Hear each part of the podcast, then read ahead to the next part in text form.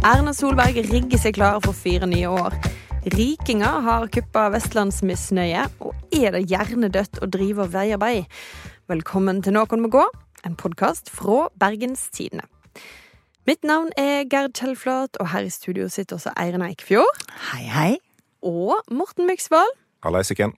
Og vi sitter på det som er den kaldeste 9. marsen på 76 år. Veldig spesifikk informasjon du har der, Gerd. Det er det, men, og det er vi gode på i Bergens Tidende, for vi er gode på værsaker, og det finnes alltid en rekord å slå. Og i dag, eller rekord, rekord på 76 år, da, Ja. har vi slått i dag. Og da føler vi oss spesielle. Vi føler Og Kalle. vi-. Ikke minst Kalle. Det er sant. Jeg tenker at det er en slags straff for kvinnedagen i går. Ja, Det er jo åpenbart et sånt knep for å ta knekken på røde strømper med snø. Ja. Gud liker det ikke. Ja, vi, ja, vi må gå ut ifra det at han ikke er så glad i kvinner. Jeg vet. Gud og patriarkat i en sånn hellig allianse. Men han er åpenbart ikke glad i kalender heller, for han bomma jo da med en dag. Ja. Dette var egentlig bare en dårlig forsøk på overgang for å anerkjenne at i går var det kvinnedagen. Eh, hvis noen har lyst til å høre mer om eh, Sånt. ja, kvinner og sånt, så kan vi anbefale for å høre på spesialen vår, som ligger i feeden, som er et opptak fra liveshowet vårt denne uka med Audun Lysbakken og Ami Black and Jay. Som, ja, var fint. Der vi blant annet da snakker om kvinnedagen. Men vi må snakke litt om en eh, viktigere kategori, nemlig oss sjøl, eh, journalister. jeg tenkte litt på det, fordi jeg ante jo ikke at en av de viktigste skillsene jeg skulle ha på jobb, var å lese politikerbøker kjempefort på skrå. Og det har vi fått bruk for denne uken, alle sammen. Ja. For Erna Solberg, altså eks-statsminister for Høyre, har gitt ut ny bok, og den heter Veien videre politikk for nye utfordringer. Ja, du Gerd, du har jo både lest, i hvert fall på skrå, og skrevet litt om denne boken. Kan du bare gi noen høydepunkter, sånn at vi vet litt hva det går i? Nå tar du for gitt at det er høydepunkter. Eller lavmål. Du kan òg presentere lavmål. Det er- en medianpunkt. Helt på snittet, tenker jeg. For den er jo, i likhet med må vi vel si, de fleste politikerbøker, kanskje langt mellom høydepunktene, vil jeg vel kanskje si. Sjangertro. Ja, Veldig. men hun tar, altså, ok, Erna Solberg tar utgangspunkt i det hun mener er de største utfordringene for Norge framover. Og det er jo den uunngåelige slutten på oljeeventyret som nærmer seg. Mangel på arbeidskraft. Og liksom bevare et samfunn med tillit og eh, minst mulig utenforskap. Eh, Og altså jeg tenker, Vi kan liksom berømme henne for å stille noen ganske sånn konfronterende spørsmål som eh, absolutt er viktige. Som er vi virkelig forberedt på hva det betyr at oljenæringen forsvinner? Eh, og forstår vi hva det vil si at vi kommer til å mangle arbeidskraft, og hvordan det kommer til å spille inn i livet vårt? Em, men så er det jo på en måte sånn eh, Oppi alt dette altså Det virker som hun prøver liksom å, å Det er litt sånn an inconvenient uh, truth, eller hva den heter. Altså Det her kommer til å slå inn over oss. Så, så klarer hun på en måte ikke å være så eh, Å slå så hardt som hun kanskje burde. Og du har hele tiden sånn rungende spørsmål i hodet. Hva gjorde du sjøl, da, Erna Solberg? Når du var Åtte år i regjering. Ja, du har styrt landet nylig, liksom. Ja, men det, det er jo solgt inn som en politisk bok hvor Erna Solberg utfordrer gamle politiske standpunkter, også sine egne. Gjør hun egentlig det? Um, ja, da er det snill utfordring. Nei, hun, hun, eh, egentlig så bruker hun jo utrolig mye plass på å um, klappe seg sjøl på skuldra for de reformene hun fikk gjennomført, uh, og som jo er sånn kraftig spark på leggen til, til den eh, regjeringen som felte henne i 2021, og eh, med å gå til valg på å reversere alt mulig. Eh, og så har jo da Det er jo lett å gjøre, for det har jo feila, sant? De har ikke, det har ikke kommet noen vei med det. Eh, du får liksom slått fra hverandre noen kommuner opp i Ålesund og Kristiansand, kanskje. Oppretta noen lensmannskontor. Ja. Så, også alle kan på en måte nå se at det var, det var dumt, og vi har på en måte viktigere ting i livet å tenke på. Men de, de tingene, altså de nye utfordringene som vi står overfor, strømpriskrise og noen nye tanker, kommer jo egentlig heller ikke med. Fordi at altså, Jeg fulgte henne i valgkampen 2021. Hun snakker om akkurat de samme tingene da. Og det er jo fint at hun er opptatt av disse spørsmålene, og det er langsiktige problemstillinger, så det er greit. Men, men verden har òg forandrer seg, og det tar hun egentlig ikke så mye inn. Men hun snakker jo om todelingen av norsk økonomi i 2013-valgkampen. At Norge er veldig avhengig av oljebransjen, og det er prisdrivende for fastlandsøkonomien. Det gjør konkurranseevnen til andre typer næringer dårligere. Det var hun veldig opptatt av helt til eh, oljepris, eh, oljepriskrisen i, i 2014 Ja, det er ett år, altså. Sant? Og da var det å pøse på med eh, tiltak for å få fart på oljenæringen. Eh, som er en av grunnene til at den omstillingen hun snakker om nå, eh, må skje fortere. For det er noen kriser, klimakrisen er en av de, der en må kutte utslipp eh, raskt. For hvis en ikke gjør det, så må en kutte utslipp raskere eh, neste år. Eh, og når en ikke gjør det, så, så når en ikke de målene. Nei, Vi hadde jo hatt ti år å gå på da, hvis hun hadde begynt i 2013. så skal de ha på en måte eh, den eh, regjeringen til Erna Solberg, eller regjeringene eh, til Erna Solberg, snudde jo utviklingen litt. Altså, det begynte jo å, å kutte utslipp, men det går jo forferdelig sakte. De fløy jo òg skytteltrafikk ut i Nordsjøen for å bli tatt bilde av på oljeplattformer. Så Ja. det er på en måte Men eh, Erna er jo liksom ingen stor og visjonær ideolog. Eh, Hun har fått sin mulighet. Og det er jo ganske greit å spørre når politikere gir ut bøker, hva er det de vil egentlig? Hva er poenget med å gi ut en bok nå? Bo- Ja. Hva er poenget med dette? Ja, altså, Erna Solberg har jo eh, Altså, hun, hun tar jo gjenvalg. Hun, om et par, altså to og en halv uke eller noe sånt, så er det Høyre-landsmøte der hun skal gjenvelges for 40. gang, cirka, som Høyre-leder.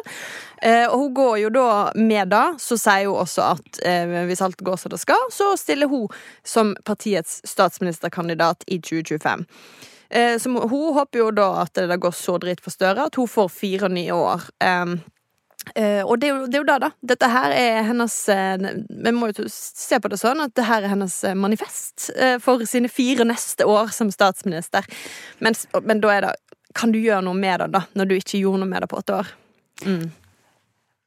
Og så må vi jo se på politikerbøker som en sånn sjanger som Vi må bare erkjenne, vi er jo den primære målgruppen. Det er sikkert noen sånne unge høyrefolk i Fana som leser dette, men det er jo stort sett kommentariatet som må anmelde og skrive om dette. Kan vi liksom komme med noen bestilling? For at vi sitter jo stadig og akker oss litt over politikerboksjangeren, som er litt forutsigbar, skoleflink, selvrettferdig, kjedelig. Hva kan de gjøre for at det skal være litt bedre? Ei bok skal jo være, eller er jo muligheten som du ikke har på Debatten på NRK og i Dagsnytt 18 eller i avisartikler i BT, til å liksom fremme et sånn helhetlig syn på en sak eller på verden, eh, og på framtida til Norge, som Erna Solberg prøver på her. Da er det jo fint om en faktisk fremmer et helhetlig syn på en sak eller framtida til Norge. Jeg liker at du sier det, for jeg hadde tenkt å si sånn litt mer juicy sladder, kanskje. Jo, men, men når hun eh, skriver om hvor store utfordringer vi står i, så er det litt sånn overfladisk. Eh, altså Det er tema hun absolutt ikke går inn i. Du nevnte strømkrisen. At hun ikke går inn i den. Kjetil Alstheim i, i, i Aftenposten skriver at EU, hvor er, hvor er det i Erna Solbergs verden? Når hun ikke skriver om liksom, samarbeid med Europa, spesielt i den tida vi står i nå med både dyrtid og sanksjoner mot Russland og krig, eh, så er det rart at ikke en Høyre-leder skal ta et litt mer sånn standpunkt eh, i, i EU-saken. Og kunne vært mer modig, sant? Fordi det er fint å skrive, for du, du kan jo tenke deg um, politikerbøker på liksom en skala fra uh, Nå skal jeg fortelle alle de juicy tingene som skjedde på bakrommet, som det Æren her har lyst til å lese. Ja. Men som sjelden er så bra som det blir lova, da. Sant? Og så til det her politiske manifestet, som jo ikke er bakoverskuende egentlig, selv om det blir jo litt dag, fordi vi gjorde det jo så bra da vi styrte. Men på en måte ligger jo som en undertone her. Det var ikke et lydklipp. Nei, men um, fritt etter hukommelse, eller liksom fri tolkning. Men, men, men du har liksom i det spennet, da, så tenker jeg det er jo mer interessant for så vidt å lese om hvor de vil hen. Da. Jeg tenker du skal ha litt skryt når du er 62 år, for at du ehm, har på en måte du du, Hun kunne jo bare lagt beina på bordet. Og, og på en måte surfa inn på den her litt sånn eh, statskvinnegreiene som hun nå Hun begynner vel å få en sånn posisjon i dette samfunnet. Sant? At hun ja, sant? Hun kunne bare slappe av, men i stedet for å prøver hun liksom å tenke nye tanker og i det hele tatt. Da. Ja, men, men Vi blir jo vært- kjent med henne, da. Altså, på, uh, På godt og vondt. Godt og vondt så, så vil jo sånne bøker være litt sånn avslørende for personen. Og du snakket om at Erna Solberg ikke er en ideolog. Nei, og reformene til den forrige regjeringen viser jo egentlig det. de prøvde, sånn som de eh, presenterer det, så prøvde de å tilpasse offentlig sektor etter sånn verden ser ut i dag. Fordi kommunegrensene, politidistriktene, domstolsinndelingen var liksom utdatert. Eh, Mm. Folk bor ikke der de bodde for 40 år siden. En prøver å tilpasse offentlig sektor til sånn verden er i dag. Det var de reformene. Det var liksom ikke en sånn her framoverpeikende reform. Uh, og det er jo der Høyre er. At de ikke er så veldig framoverpeikende. Men de, de prøver å tilpasse offentlig sektor til sånn ting ser ut uh, der ute. Og det er jo fint. Og du sa jo også dette med posisjon, og det syns jeg er litt interessant. For jeg tenkte jo, nå skal hun skrive seg inn som en stor landsmoder. Sant? Nå er jo hun egentlig helt der oppe med Gerhardsen og de, og Willoch og gjengen. Sant? For hun er jo en av de som har sittet lengst som statsminister. Ja. Hvis Og- du, ja. Sant? Eller hun er på en måte ja, ja, men du må ta vekk Gerhardsen, for han er så, det er så rart. sant? Men hvis du ser på alle de andre, ja. Ja, hun vil jo være der oppe på toppen. Og da må man jo helst ha et manifest i ryggen som på en måte Jo, er med på å dyrke litt eh, av det eh, bildet. ja, hun har jo muligheten til det, i hvert fall. For det som du sier, Willoch han er jo død, og, og, og de andre er på en måte spiller ikke så stor rolle lenger. Stoltenberg i utlandet han er jo den eneste som er sant, helt sånn uhyrlig populær. Støre er jo Ikke det. Han kaver med sitt. Så Erna har på en måte plassen til å skinne og på en måte være en sånn her Ja, litt sånn der landsmoder. Jeg viser dere veien videre, men eh, Men um, den var, så, den var ikke så spennende. Det er jo ikke et sjokk, da. Erna er, jo, Erna er jo litt kjedelig. Det er jo da hun har markedsført seg liksom hele veien. Vi kan ikke bli overraska over dette. Ehm, Folk liker det. på, på et vis. Men hvis jeg skal gå inn i en annen ting da, som er i denne boken, så er det at hun um, også tar et oppgjør med, eller skriver en del om, om på en måte polarisering av samfunnet, som jo er interessant. Uh, og der skriver hun òg en del om ordbruk. Og alle husker jo når eh, Erna Solberg var statsminister, for, eh, særlig for når det var Høyre-Frp-regjering. Veldig ofte konfrontert med at noen i Frp, kanskje Sylvi Listhaug, for å nevne et tilfeldig navn, eh, var litt frisk i målet. Ja. Jeg ville ikke brukt ordet hylekor om å få mot eh, folk som, som argumenterer mot meg. Jeg står fullt ut bak at hun reiser på besøk til Sverige for å så, men jeg har sagt at alt hun har sagt der, er ikke nødvendigvis ting som jeg er enig i. Jeg ønsket å be om unnskyldning for eh, at den retorikken som, å, eh, som regjeringen har brukt, har såret folk. Her var det jo litt ulike varianter av Erna. Jeg ville ikke brukt akkurat de ordene, Solberg. Eh, og til slutt så hørte man at hun måtte jo faktisk beklage eh, noe av ordbok, eh, ordbruken. Og eh, i denne boka så skriver hun for så vidt også litt om dette. Og, eh, hun sier faktisk at det var helt rett av både opposisjon og media å presse regjeringen i eh, en del av disse tilfellene med hard ordbruk. Raust. Og så skriver hun at eh, eh, Hun skylder det jo veldig på Frp. Jeg satt flere ganger med en opplevelse at man også i Fremskrittspartiet syntes noen av uttalelsene gikk for langt. Men å beklage og komme seg videre aldri. Det ligger litt i Fremskrittspartiets DNA at det er greit å være kontroversiell og få kjeft. Noen ser på det å beklage en uheldig uttalelse som et tegn på svakhet. Jeg er uenig i det. Og det er jo en uheldig uttalelse er jo da hun da på en måte karakteriserer dette som. Og så spørsmålet er det uheldig uttalelse, eller var det jo iskaldt kalkulert? Når Sylvi Listhaug sier at Arbeiderpartiet liksom setter terroristers rettssikkerhet over eh, oss andre, så, så er ikke den Altså, det er uheldig at en statsråd sier det, men det er ikke en uheldig uttalelse. Det var ikke noe du plumpa ut med Nei. sånn uh, i forbifarten. Per-Willy Amundsen mente at uh, kanskje på tide med et nytt uh, korstog for at uh, liksom, ungen min skal få vokse opp i et fritt land. Når han var justisminister? Nei, det var noen år før. Okay. Men hun mente at han var skikka til å bli justisminister. eh, fordi det var jo tydeligvis bare en uheldig uttalelse. Eh, så det er jo litt sånn rart. Og så er det jo fascinerende å høre Erna Solberg si at hun er veldig for å beklage uheldige uttalelser. Men Ways of Seeing-teaterstykket, som eh, måtte være veldig som ramma hennes regjering. Tor Mikkel Wara måtte gå av som justisminister. Det var filming av boliger og litt sånn. Hun anklager de som sto bak det eh, stykket, for å rett og slett gjøre det vanskeligere eh, å være politiker i Norge. Eh, og så viste det seg at mye av kontroversene rundt eh, Ways of Seeing-saken eh, var eh, kokt opp. Det var ikke sånn det Det var ikke liksom Det, det var ikke det som hadde ført til eksempel eh, Rasesitt-tegninger utenfor justisministerens bolig. Da var det noe litt mer eh, internt. Jeg kan jo ikke helt klandre Erna for at du ikke så for seg den ville forklaringen For bak all det, dette. Men hun kunne ha beklaga til disse eh, teaterfolkene i ettertid. Det har hun aldri gjort. Jeg vil bare um, nyansere dette litt. fordi at det hun skriver her, er jo følgende. Det er helt sikkert også uttalelser fra meg og mitt parti som ikke står seg så godt i ettertid. Så hun har, Så hun har jo på en måte Sånn blanko-beklagelse Blank- for alt. For alt vi kan eh, Ja. finne på. Som, Og så kommer det jo et veldig gedigent men etter dette, da. Men hun har på en måte Ja. anerkjent at men, men, eh, men det er noen ting hun har bitt seg fast i som er mye verre enn alt dette her. Mm. Av ting som blir sagt i den offentlige debatten, som er på en måte polariserende som pokker. på venstresida. Som er Ja. mye mer enn uheldig. Ja, hun tar, altså, det er virkelig en annen tone når hun skriver om eh, venstresidens eh, ordbruk. Hun tar eksempel oppgjør med ordet velferdsprofitør. Hun kaller det vel egentlig litt nazi.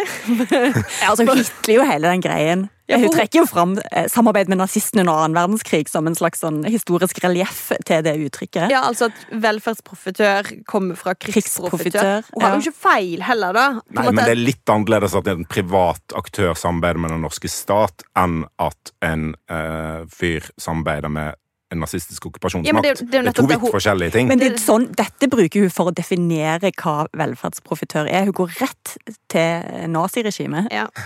ja da. Og så- kan en jo se Altså, det er jo et, åpenbart et utrolig lada begrep som blir Ja brukt om eh, de som tilbyr offentlige tjenester i privat eh, regi. Og får penger fra statskassen for det. Ja, ja. Og jeg syns det er et dårlig begrep av, for, uh, for mange at det blir brukt om private barnehageeiere, eksempel, og kaller de for velferdsprofitører fordi det blir tatt utbytte derfra. Syns det blir sånn feil. Men det er ikke de verste tegnene på polarisering jeg har sett, altså. Nei. Du kan jo også si at det er et godt begrep, fordi at det er så lada, og fordi at det gir den oppmerksomheten det altså helt meningen er. Her har vi den tabloide polariseringsredaktøren. Ja. Ja da, Hvis noen på høyresida omtaler arveavgift som en dødsskatt, så er det jo på en måte Det er litt lada, det òg. Ja, altså Jeg vil jo gjerne ha gode overskrifter i avisene. Ja, ja. Ja takk, sier Eikefjord. ja, tabloid jævel. Hun, hun har omsorg også for andre her, da, for hun tar også opp um, hvordan um, eh, milliardærene som flyttet til Sveits, blir eh, møtt, eh, og skriver en del om da Røkke flytta ut, eh, hvordan han hadde vært en eh, fyr som hadde blitt eh, hausa opp av venstresiden, mens i, på, på et sekund var blitt en folkefiende. Um, jeg syns ikke særlig synd på Røkke som person, skriver hun, men jeg synes det er leit at han og mange andre har forlatt landet. Det mest skremmende er likevel ordbruken. Forsøkene på å fremstille det som at Røkke og andre på få måneder har gått fra helt til skurk, fra samfunnsbygger til samfunnsfiende. Er det det mest skremmende? Er det det? Nei. Nei, jeg vet ikke. Nei. Men det, om, om dette er på en måte der polariseringen i, i dette samfunnet vårt Ja, står? og det er veldig interessant hvordan hun beskriver polariseringen, altså årsakene og, og liksom fiendene her. Fordi at Blant annet er en forklaring at Audun Lysbakken tok flere skritt til venstre. Sant? At retorikken ble hardere av det, og at Rødt kom inn på Stortinget. At Det på en måte, det har ingenting med Frp å gjøre, eller det som virkelig har vært sånn harde ordslag. Hun kaster jo litt skyld dit òg, da. Ja, ja, litt. Men ting. eh, Ja. Nei, det, det er en forskjell her. det er ytre venstre som er skurkene her. Ja. Men når vi snakker om liksom, sympati for de rike, og sånn, så er det, jo, er det jo litt av det på, på Vestlandet for tida. Vi står midt oppi et uh, vestlandsopprør eh, nå. Vi snakket litt om det for en uke siden. Nå har det blitt strid om hva dette opprøret faktisk skal handle om.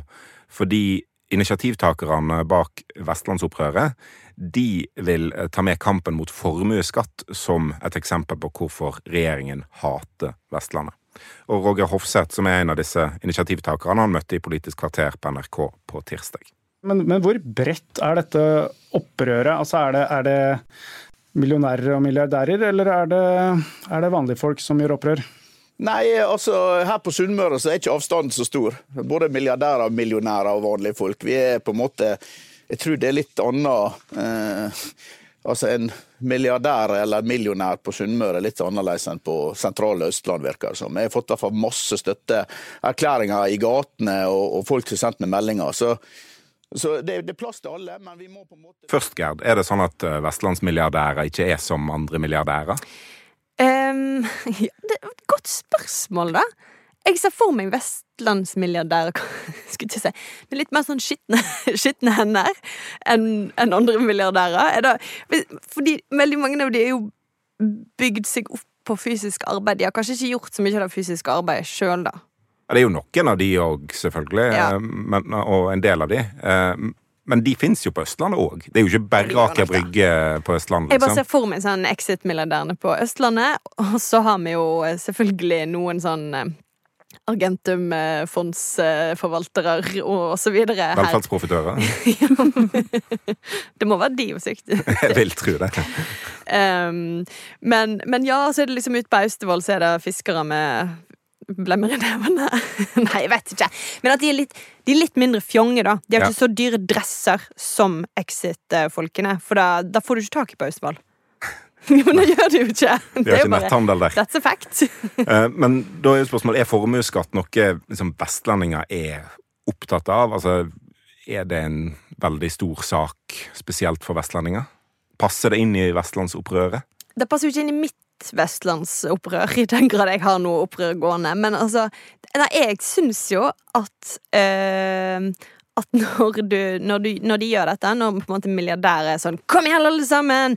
Det er opprør mot den mest fiendtlige regjeringen i manns minne, som de vel kaller det. Eh, De, de tar oss til inntekt for sine milliardærproblemer. Det er på en måte en slags vestlandsvasking Ja. av, av deres uh, rikmannsproblemer. Ja. Og det, har jeg egentlig ikke så veldig lyst til å være med på. Ja, for det var jo fascinerende i Politisk kvarter. Vanlige liksom, grasrotbevegelser pleier jo liksom å si at vi samler, vi samler oss på bygdene og vi skal marsjere inn mot Oslo og sånt. Her snakker de om at eh, vi samler kapital, blant annet. Og så skal jeg kickoff. Ja. Og de har sikkert logo. eh? De har sikkert roll-up. eh, og eh, helt sikkert et nettsted med Ja. liksom, fint design og sånn. I USA har de et begrep for liksom, falske grasrotbevegelser. Astroturfing. Eh, godt omsatt til nynorsk så blir det kunstgrasrotoppgjør. Eh, og der du liksom later som om det er folket eh, som står bak en eh, bevegelse, og så er det egentlig bare noen få som, som gjør det. Jeg får jo litt sånn inntrykk av det, i hvert fall når det kommer til formuesskatter. Og så er det jo vanskelig å snakke om Vestlandet som én størrelse. Ja. at, og her er det jo rett og slett alle tar det de er mest mot, putter det inn i det opprøret. Eh, Og det er jo det generelle på det, sånt opprørsfronten, at det handler jo mest om hva du er mot, og ikke nødvendigvis hva du er for, eller hva vi liksom alle skal dra i retning av. Så, men det er jo et, reelt problem. Altså, Ap-regjeringa har jo vært kjent for et vestlandsproblem. Ja da. Og disse her Initiativ Vest eh, de har faktisk kartlagt dette fra liksom alle regjeringer fra Syse til Støre. Og så har de målt andelen statsråder i regjering opp mot befolkningen. Og da finner de jo ut at Oslo er konsekvent overrepresentert, alltid. Selvfølgelig ikke noe bombe her.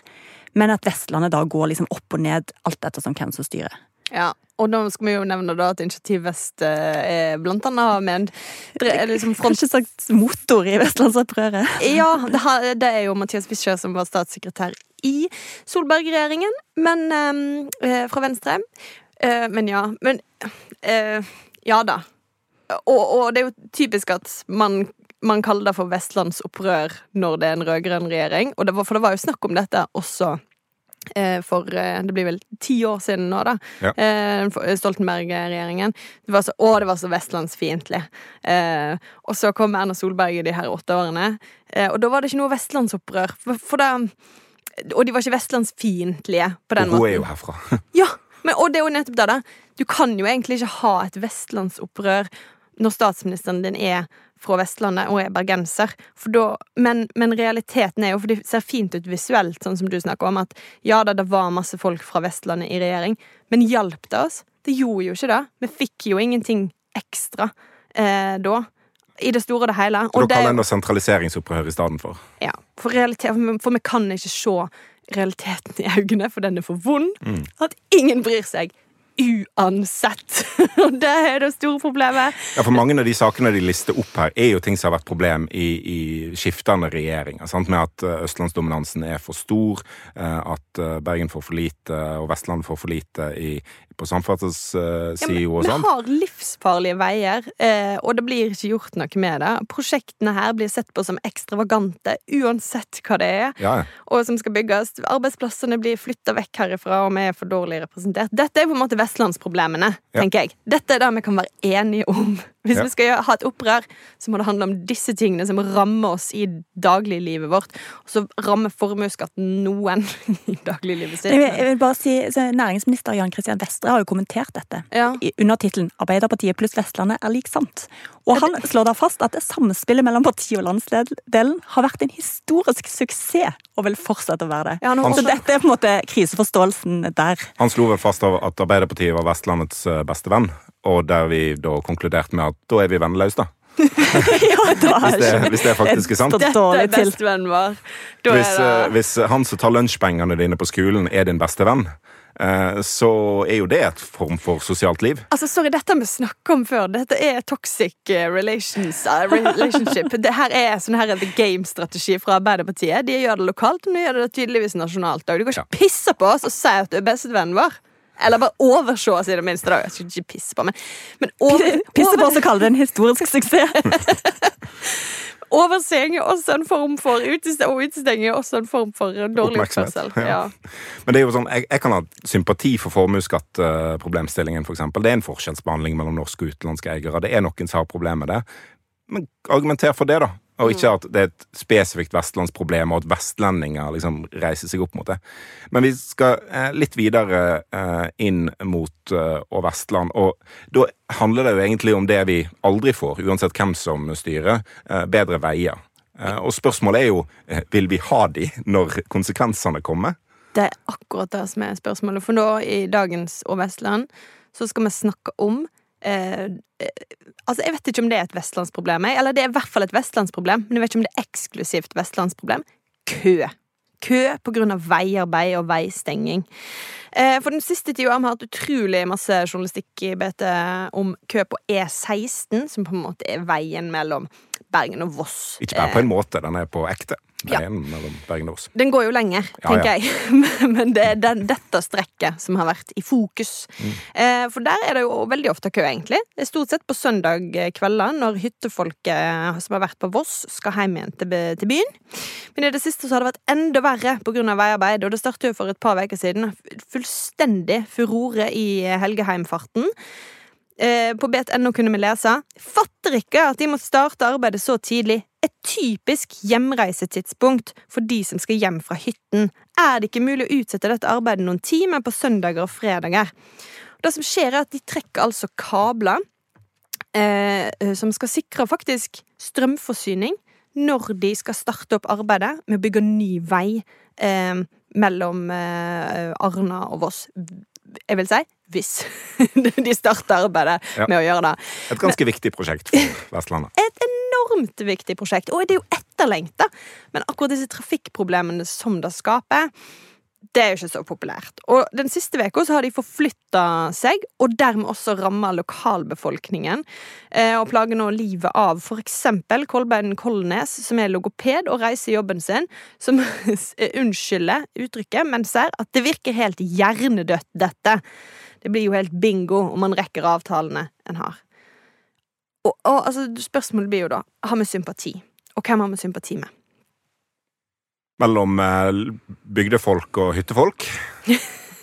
Ok, Det er litt, det er litt lada spørsmål. Jeg har sympati med alle som må stå i kø og blir irritert på det, for det er jo kjempeirriterende. Ja. Uansett hvilken grunn du har. Jeg, Jeg syns det er litt, uh, mer, uh, litt lettere å ha sympati med de som har, bare har lyst til å komme seg på jobb, enn de som har lyst til å komme seg til eller fra hytta. Det, det er jeg. Og så kan jeg forstå at det er irriterende å stå i kø. De jeg har mest sympati for, er de som opplever konsekvensen av disse konsekvensene. De som må jobbe mer natt eh, av at eh, ingen skal se de eh, når de gjør eh, livene våre bedre på sikt. Eh, de som faktisk skal gjøre dette arbeidet. For konsekvensene nå er at det blir mer nattarbeid på tunnelene. Eh, det skal bli ledebiler gjennom tunnelene, og folk skal jobbe der i grøftene eh, og prøve å holde veien åpen så masse som mulig for både hyttefolk og lokalbefolkning, med de farene som det medfører. Og det, det er farlig å kjøre og jobbe langs veien. Grunnen til at en endra for et par uker siden fra eh, lysregulering til ledebil, for, for altså folkene som skal kjøre forbi veiarbeidsområdet. Mm. ja, var at noen fant ut at ok, når veien er stengt med rødt lys, så etter en stund så bare kjører jeg. Eh, Da var, da var hyttefolk. Jeg garanterer deg at da var hyttefolk. Audi eller Tesla. 100%. Og de ødelegger jo for alle andre, sant? for det er jo de, når jeg på bygda tenker hyttefolk, så er det jo sånn hun som ba meg om å rygge bilen for henne en gang, eh, fordi hun ikke kunne det sjøl. Eh, det er jo sånne folk jeg tenker på, de som er tullinger eller ikke kan rygge. Men det er sånn som, sånn som meg.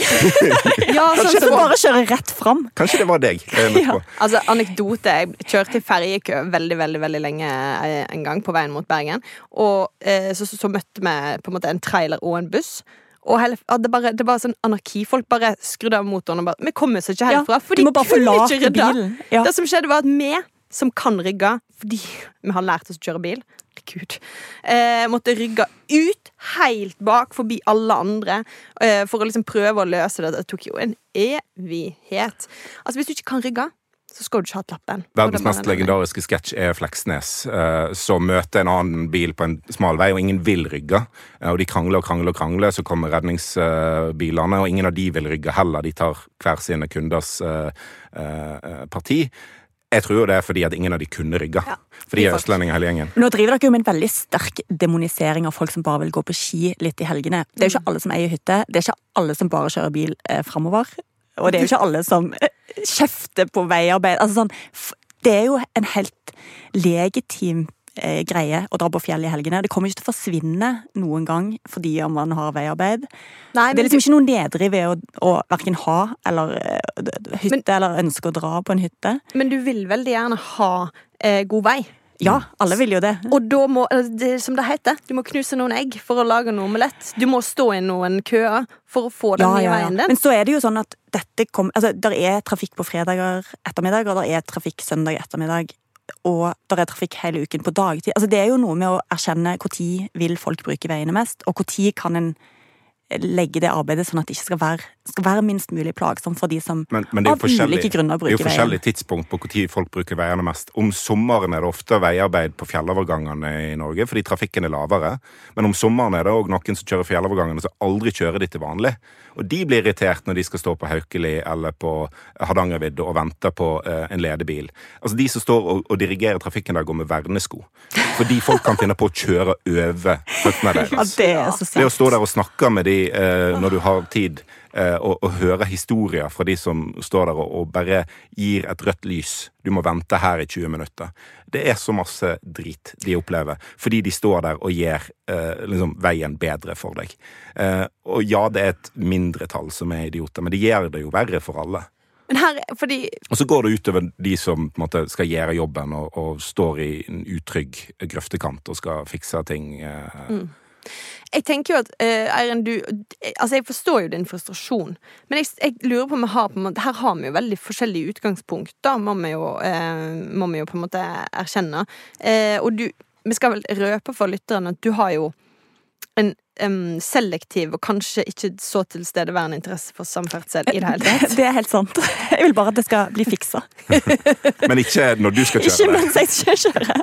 Ja. Men jeg tenker, skal jeg komme liksom til, til liksom en slags unnskyldning for deg? da Du er vokst opp en plass med utrolig gode veier. Ja, det er sant. Jeg har jo eh, jeg er vokst opp i Rogaland, eh, Ja. der det er liksom asfalterte skoleporten omtrent. Det er Så flott. det er, Det er beint. ja, det er ingen som klager på vei der. Nei. I hvert fall ikke nå lenger. Og jeg tenker at for, for vår del, altså jeg vet ikke med deg, Morten, men jeg er jo vokst opp med på en måte altså det, det, det liksom De tidligste samtalene jeg kan huske, handler om ja, uff, det er så dårlig vei. Fordi da satt vi jo i baksetet, jeg holdt isboksen så broren min kunne spy sant? Fordi at, og det var hver gang vi kjørte her, hver gang vi skulle ut av bygda, så liksom skulle han spy. For det var veldig dårlige veier. Og det blir liksom Så den der interessen for bedre vei, den blir jo Det er ikke rart. Det gjør jo noe med deg. Ja da, og der jeg kommer fra, det er ikke mange kilometer i luftlinje til skolen. Men bussen gikk rundt et fjell, ut på et nes, tilbake fra det neset og så ut på uh, der som skolen var. Det tok 45-50 minutter hver vei uh, med buss uh, hver dag når jeg var sju år gammel. Det gjør noe med deg. Det får deg til å tenke slutt å syte hvis ungen din må ta bussen i ti minutter fordi skolen din skal pusses opp. Og det, det får, får meg til å tenke slutt å syte fordi du må vente i sju minutter på Dale. Det deg til å generelt ha litt lav empati, tenker jeg nå. Nei, det får meg til å ha høy empati med de som har virkelige problemer. Selektiv empati, Morten. Nei, men altså, det er ikke et problem at du må vente i 10 minutter, 20 minutter, en halvtime. Det er ikke et problem. Ok, Er det noen som må gå denne uka? De som står i kø og ikke vil det, de kan sette bilen fra seg og gå, i, uh, gå forbi rasstedet. Eller Erna Solberg. Hun må gå? Ja, hun må gå tilbake til skriverstova. Skrive et kapittel eller to til. Være litt mer sjølkritisk. Om noe interessant. Ja. Komme med noen Gi oss litt mer gossip. Ja. Andre opplag eh, til kommentatorene. Kanskje òg milliardærer og millionærer på Sunnmøre kan ta seg én runde til og se ute på gaten og se om de får like masse støtte. Ja, jeg vet ikke, jeg, altså. Eh, som de påstår at de får. Den folkelige motstand mot eh, formuesskatt. Ja. Innspill og tilbakemeldinger de sender du til nmg.krøllalfa.bt.no eller i Facebook-gruppa Noen må gå. Intromusikk var bergenser av Bjørn Torske. Produsent er Henrik Svanevik. Vi er tilbake før du aner det. Takk for at du hører på, og ha det! Ha det bra. Ha det.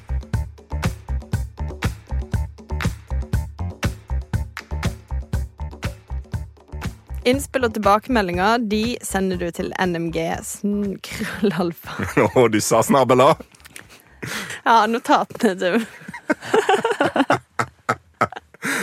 Å, nei, nei. Jo, for den er for intern. Den er for intern. Det, blir, det er gøy for oss, men det er ikke så gøy for folk. Jeg klapper den ut. Sorry.